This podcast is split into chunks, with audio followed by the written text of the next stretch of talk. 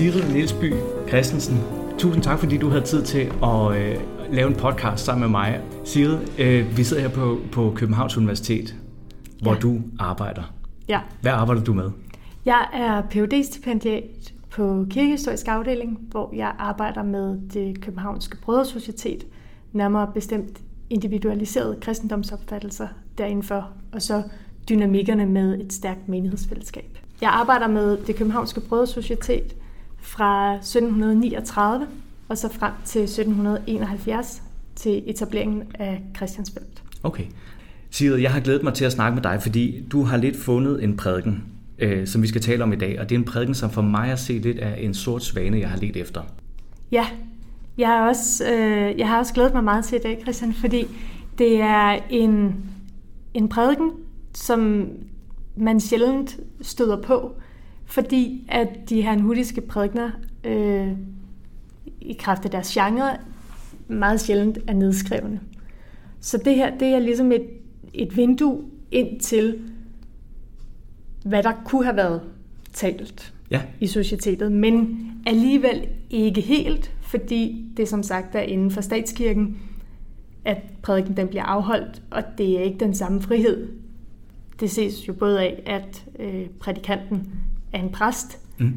og endda stiftprovst okay. fra Sjællands Stift. Det er, den er skrevet af Henrik Gerner, ja. som var stiftprovst fra øh, 1738, blev han kaldet. Øhm, og han var ikke han var ellers mistænkt for at have lidt øh, suspekte forbindelser til Herrnhut og til de herrnhutiske sindede. Mm.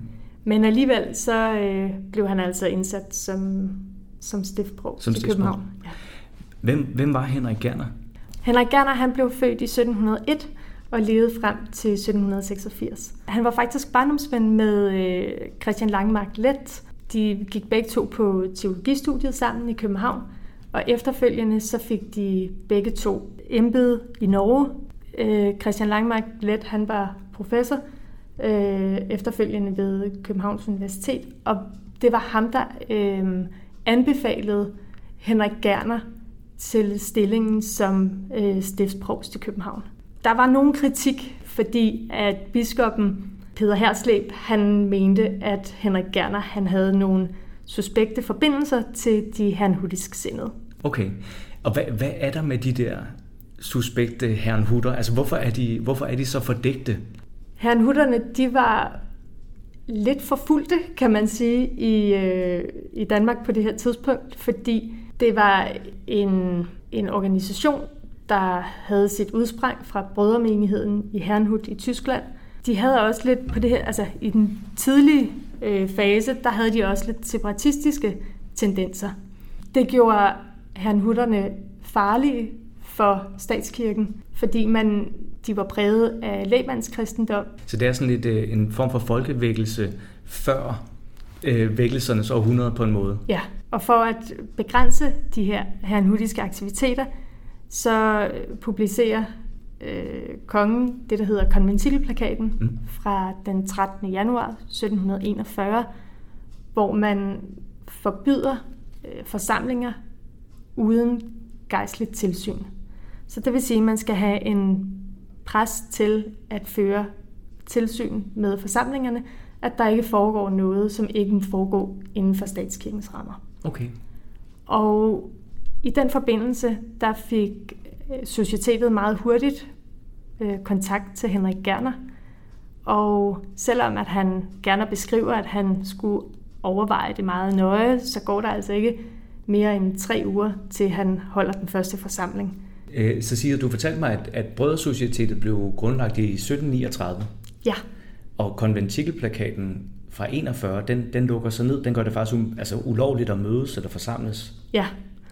Hensigten var at tage livet ud af forsamlingerne. Men det viser sig, at det fik lidt den modsatte effekt. I 1740, der har man 40 medlemmer. Ja. Og efter konventilplakaten et år til halvandet år efter, der, har, der fordobles medlemsantallet, så de er på 81, og året efter, der er de altså på 280 medlemmer. Så ja. der sker en enorm ekspandering efter konventilplakaten imod dens hensigt. Og årsagen er, kan jeg se af materialet, der er bevaret derfra, at man simpelthen har inddelt øh, societetet efter kor, det vil sige små grupper, øh, baseret på, på alder, køn og ægtestand. Ja, så det, det, det vi sidenhen ser i, i Christiansfeldt, ja. øh, med, med store bygninger, hvor der er noget for en gruppe, og noget for en anden gruppe, og noget for mænd og noget for kvinder, det, det har man faktisk i organisationens formen i, i Brødersocietetet. Ja. Okay, okay. Men bare uden bygningerne. Uden bygningerne, ja. ja. Interessant. Men det er så her, Henrik Gerner, han får en, en rolle som, som den voksne, der skal føre tilsyn med, med det, her, det her fællesskab, der nu er blevet øh, ulovligt på grund af konventikelplakaten. Ja, og Henrik Gerner, han går meget ivrigt til opgaven. De holder forsamlinger hos ham hver søndag efter kirkegang. Altså det er jo egentlig en from praksis, så det minder lidt om efter gudstjenesten, og så blive hængende til kirkekaffen og måske lidt konfirmandundervisning. Ja. Øh, men, men det er pludselig blevet, hvad skal vi sige, ulovligt, og derfor måske også mere spændende eller et eller andet. Ja, og så tror jeg også, at man, så blev der tilføjet flere restriktioner øh, de kommende år, hvor at øh, Brødersocietetet, de måtte ikke rejse ud, eller de måtte gerne rejse ud, men de måtte ikke komme tilbage igen. Så det gjorde også, at man holdt på nogle af de mere etablerende kræfter, som ellers ville være rejst til Herrenhut eller til Herrenhag, til nogle af de store brødremenigheder, hvor at de jo kunne udfolde øh, troslivet på en anden måde, end de kunne i København. Mm. Men det har altså været med til at skabe et stærkt societet. De fleste af os kender øh, Christiansfeldt og UNESCO's verdensarv og sådan nogle ting, men, men der er simpelthen den her meget, meget tidlige forløber, der er moderen til Christiansfeldt. Ja, og det var også mange af de kræfter, som var i Societetet i København, der rejste til Christiansfeldt og formede den nye menighed. Men det er jo også et langt spænd, så man ligesom holder en, en halv ulovlig virksomhed i kørende. Ja, det er det. Ja. Og det var med stor hjælp fra Henrik Gerner, ja. der beskyttede både societetet øh, og aktiviteterne. Og der, og der er han jo sådan en sjov figur, fordi han er en del af statskirken, som, ja. som stiftsprovst og prædikant osv., og, så videre, og så også faktisk i sin autoriserede rolle som, som øh, den, der skal holde tilsyn med, med societetet. Ja, han fik også problemer, fordi han var nok mere engageret i societetet, end statsmagten synes var en god idé. Og biskoppen Peter Hersleb, han fik jo også ret i sin mistanke om, at der var et suspekt, en suspekt forbindelse her. Og okay. det er altså årsagen til, at Henrik Gerner indgiver sin afsked. Okay. Ja, fordi det kan være, at vi lige skal løfte sløret for, Sigrid, mm. at den prædiken, vi skal, eller den her prædiken, du har taget med, som er en, en, en for mig at se en sort svane, er det en afskedsprædiken?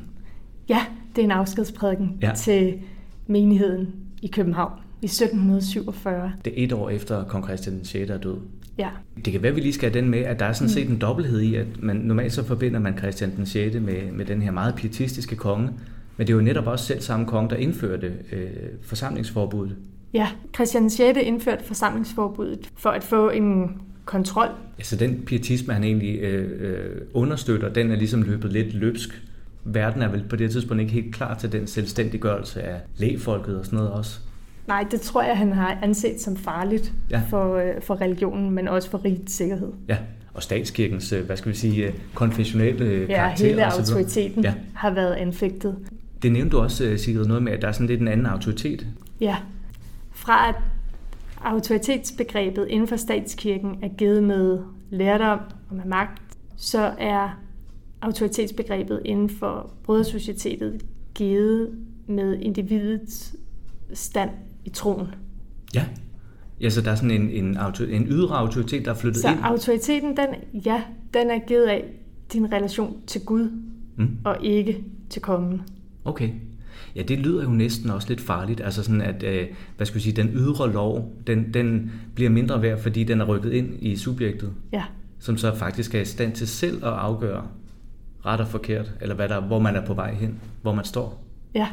Jo, og de, de prøver jo hinanden i forhold til, hvor de står i troen, for hele tiden at kunne vurdere menigheden eller societetets tilstand. Det er vigtigt at holde synden ude, mm. ellers så lukker du det ind i hele menigheden. Ja, så der er et kollektivt ansvar, ja. individet også er underlagt. Ja.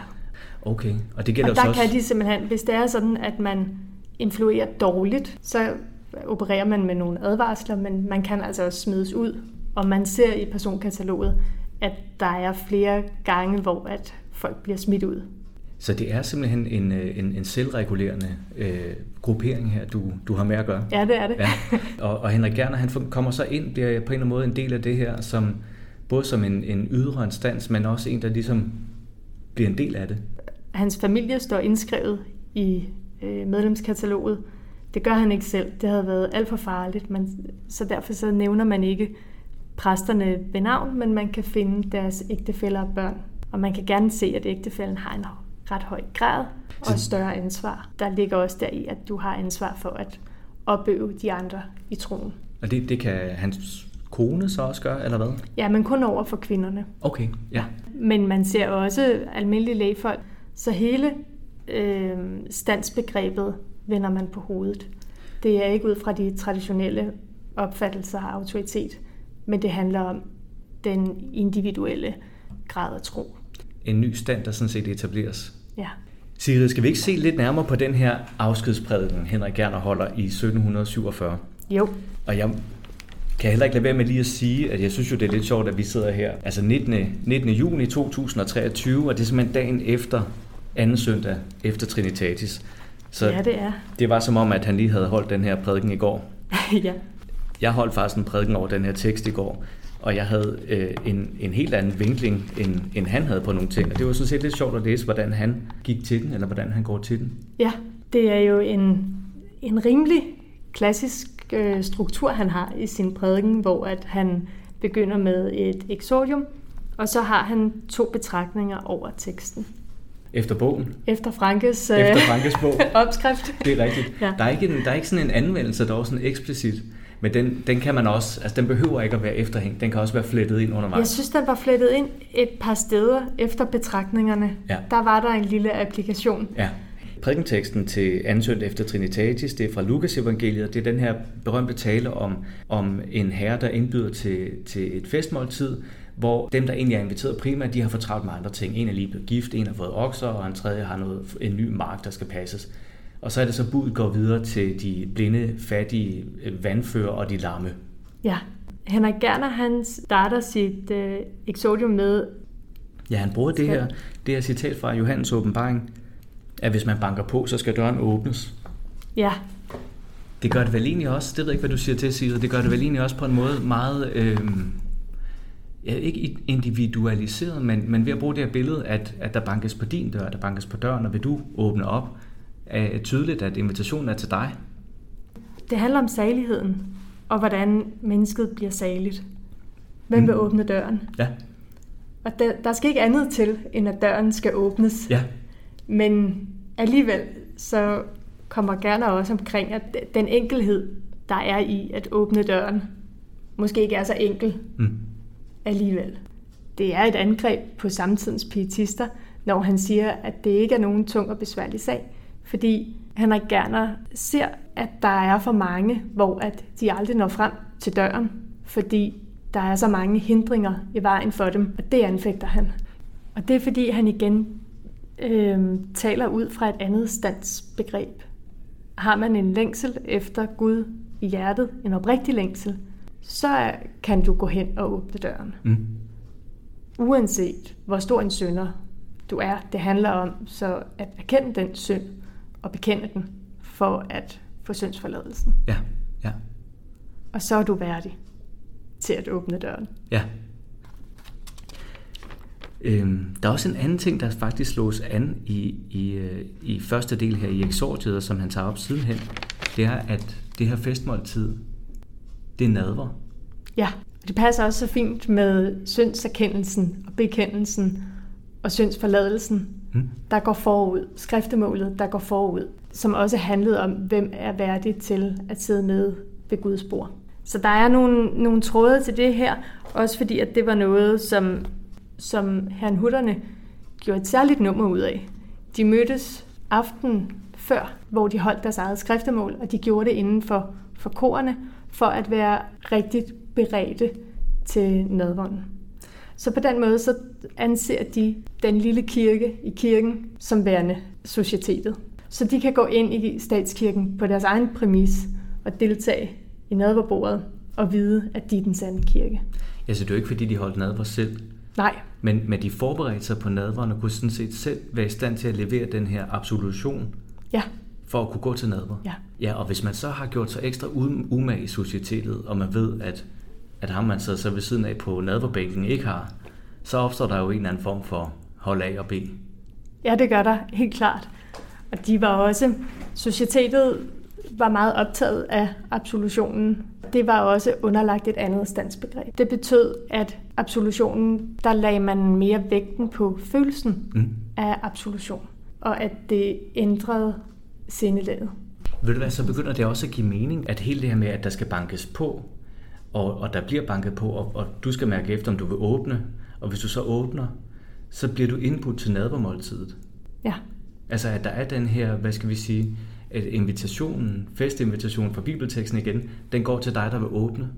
Og, og med den her, altså når du åbner op, så besinder du dig sådan set også, og du gør dig redde til at gå ind til det rigtigt. Ja. Du skal ville det. Ja. Jamen det, det, så begynder det også at give mening, fordi det, det, det fylder jo meget det her nadvermotiv. Altså festmåltid, det, det hører vi egentlig ikke så meget om. Øh, det, det er faktisk et nadvermåltid igennem hele prædikenen. Ja, det er Henrik Gerner ret optaget af. Men han ender jo også med selv at indbyde menigheden til nadver. Så må mm. vi se, hvem der, der tur går op. ja, ja. Ja, fordi, og der er de her billeder med den skjulte manna, der skal, der skal indtages, og så Jesu blod, der helliger og renser. Altså, så, så der er jo mange af de her, der sådan virker som sådan øh, hernhudiske træk, altså hvor lammets blod og alt muligt, det, ja, det er virkelig med det er her. meget præget af hernhudisk vokabular, og ja. med blodet, der, kristi blodet, der renser og renser øh, mennesket for synden. Mm. Og er, er, er den statskirkelige kobling så nadveren simpelthen? Jeg ved ikke, hvor meget nadveren fylder i, i uh, herrenhudisk sammenhæng, når man mødes der. Altså også hvis man ikke kan holde det selv men at det blot er det forberedende. Altså her kan han jo levere varen, altså holde nadver i kirken. Ja, og jeg tror også, at for Brødsocietetet, der er det ikke nadveren i sig selv, men det er måske i virkeligheden forberedelsen, mm. der er det centrale. Og så er det syndsforladelsen. Ja. Det er erfaringen af syndsforladelsen. Det er ikke, hvad der foregår inden for, altså inden for ritualet mm. i sig selv. Det er erfaring deraf. Ja. Og det er, hvilken progression individet oplever i den forbindelse. Det er også skægt, han, altså når han gennemgår bibelteksten, så siger han så, jeg ved ikke, hvad det er for en oversættelse, han bruger, men der står simpelthen, at der var et menneske, øh, som, som, som gjorde en stor nadver. Altså et festmåltid simpelthen bliver oversat med nadveren, som om ja. det stod i bibelteksten. Ja. Det, det, det er påfaldende. Altså først så forholder han sig til, hvordan indbyder frelseren mennesket til nadver og gør det delagtigt i saligheden. Ja, det, ja, så det er helt første del af prædiken. Ja. Og punkt to handler om, hvordan mennesket almindeligvis bærer sig ad. Og så siger Gerner, at meningen altså med øh, evangelieteksten er, at Gud blev menneske i den påtagende menneskelige natur ved sit læme og blod skyldige offer, og Kristus har forløst alle mennesker, så alting er udrettet til menneskers saliggørelse og frelse. Og derved så er alt beredt, og derfor så kan Guds barn. Der er det interessant, han siger Guds barn. Mm. Så det er ikke alle. Nej. Det, der er øh, et, et skæld, ja. han opererer med her. Men altså så kan Guds barn aldrig høre om eller tænke på øh, hele det, altså på alt dette, uden at føle største erbødighed, respekt, glæde og fornøjelse. Ja. Så det er det, der må følge dig af. Ja, ja så hvor del 1 er, hvad skal vi sige, øh, bred og univers, universel, at, at invitationen er gået til alle, så del 2 kvalificerende. Mange er kaldet, men få er udvalgte. Ja, og så understreger gerne også, at kun et konfus menneske vil sige, at der står noget til hinder for at åbne døren. Og det vil enten være en hyggelig eller en bedrager, eller en med et uredeligt hjerte, hvor i han skjuler en hemmelig falskhed. Ja. Det konfuse menneske, eller fejlen ligger hos mennesket, ikke hos Gud. Invitationen er gået ud til alle. Ja, det er viljen, der er vendt mm. bort fra Gud. Så hvis ikke, at der er en oprigtig længsel efter at åbne døren, så er der ikke nogen, der åbner. Ja. Der er noget interessant i dem, som ikke tager imod invitationen. Der er nogen, der er gerådet ud i konfusion og i angst og er i noget plageri. Ja, det kan både være et, altså det kan egentlig også være et positivt tegn. Hvis det er en, en angst over en sjælelige tilstand, så er det en positiv ting, fordi der der i også ligger en længsel efter Gud. Okay. Så der ligger en erkendelse af ens syndighed, og at man, man ikke befinder sig et godt sted i troen. Ja, de skal først omvende sig for at blive en del af Jesus samfund. Ja. Okay, ja. Ja, så den her, den her invitation, der går ud i bibelteksten, den går, det er en invitation til at blive en del af Jesus samfund. Ja. Og tage del i nadvånden. Ja. Han taler det sted om det her Jesus samfund. Øh, og hvis man er en del af det samfund, så er man altså ikke en, der, der sidder fast i konfusionen og i angsten osv., men, men har overvundet det. Ja, fordi han mener jo også, at man skal ikke sidde fast i brudskampen. Egentlig synes han ikke gerne, at det er, det er ret lige til.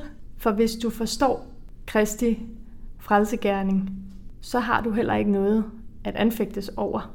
Fordi så forstår du også konsekvenserne deraf. Så forstår du også, at Kristus har taget synden. Ja. Og så kan du gå fornøjet ud i verden. Ser man på, hvem brødersocietetet bestod af, så var det jo netop med uh, lægmands kristendom, hvor at de på ingen måder var, var lærte. Det var skomager, skrædder, tjenere. Og selvfølgelig var der også øh, nogle præster, og der var mange teologistuderende, der også var en del af societetet. Mm. Men det var også en af måderne, man prøvede at komme ud over konventilplakaten på, ved at de var indskrevet i de forskellige kor, sådan at man faktisk kunne opfylde konventilplakaten uden det eksterne gejstlige tilsyn. Okay, okay. Men der er noget, det er tankevækkende, den her øh, brug af, af, af bibelteksten, at, at de her, der egentlig først er inviteret, dem, der har førstels, første fødselsretten i ja. og for sig, ikke om, altså øh, Israels hus, at det er, jo, det er jo sådan set dem, man gerne forstår som, som dem, der har fortravlt med andre ting. Øh, og så går den videre til de blinde og, og, og fattige. Ikke? Men, ja, så bliver den vendt rundt her. Ja, den er vendt rundt. Det er, det, er med, det kunne have været medlemmer af Brødersocietetet, der, der har retten. Ja, ja det er jo det, ikke? Altså, ja. det burde gå videre til dem. Ja. Og det er ikke, det er ikke de lærte og, og dem herude i samfundet, der er noget. Nej. Og måske også for meget, men, men nu, er det, nu er det os, den er gået videre til. Ja. Det, det er interessant, at Så han det er står... igen en måde, hvor at autoriteterne bliver vendt rundt på. Det kan man se. Det handler om øh, individets øh, tro, og ikke om øh, de traditionelle autoriteter. Er han, er han lige ved at save sin egen gren over her? Ja, det er han lidt, men det gør heller ikke noget. Nej, det gør heller ikke Han noget. er på vej videre. Han er på vej videre alligevel, ja. Det er du ret i, det er jo en afskedstale. Ja. Og det fylder også noget. Det skal vi også lige have, have med her. Sigrid, kunne du ikke nødes til at læse højt fra side 264? Jo. Det er i sandhed ikke sket af letsindighed eller lyst til forandring, men der er rigtig mange mennesker, meget velbekendte årsager, som har været anledning til, at jeg aller underdanigst har gjort ansøgning om en dimission fra dette embede, som jeg på de 9. år har stået ud i, især da jeg er kaldet til et andet embede i et andet land, nemlig at være præpositus for de lutherske evangeliske brødremenigheder i deres kongelige majestæt af Preussen, hans lande. Og siden det har behaget deres majestæt, hvor allernådigste konge allernådigst at akkordere denne min allerunderdanigste ansøgning, så er det i dag den sidste gang af dette sted, jeg taler til eder, og står nu færdig at tage afsked med eder. Sådan. Ja. Så, men det er jo helt vildt. Han står her på prædikestolen og siger, jeg skal afsted for at være lærer i, i brødremenighederne, og det er jo det, der er forbudt. Ja, det er i hvert fald forbudt at rejse hjem igen. Okay, så man må gerne rejse ud, men Han må ikke gerne rejse ud, men han må ikke rejse hjem. Hold da op, altså det er alt på et bræt her. Det er det. Han ved det. Men ja, jeg tror, der, der var så mange rygter i omløb alligevel, at måske har han bare ville øh, melde det ud, Ja. klart. Ja.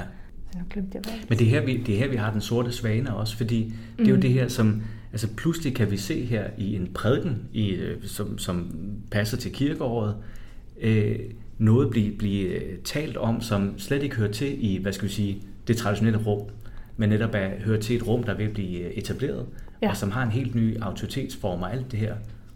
Ja, og så er den så situationsbestemt. Sigrid, du nævnte tidligere, at, at det er 47, det vil sige, at kong Christian 6. er lige død, og så er det Frederik den 5., der tager over. Og hvordan var forholdet til ham? Jamen, det var ret uprøvet endnu. Der har i hvert fald ikke været flere øh, restriktioner eller forordninger imod dem, men man er afventende, for man ved aldrig, Nej. hvad der kommer. Nej. Og så godt kender de ham ikke endnu. Nej. Han og hans nogle... Øh, religionspolitik kender de jo heller ikke. Den ved de ikke, nej. nej. Om man er ven eller fjende. Nej.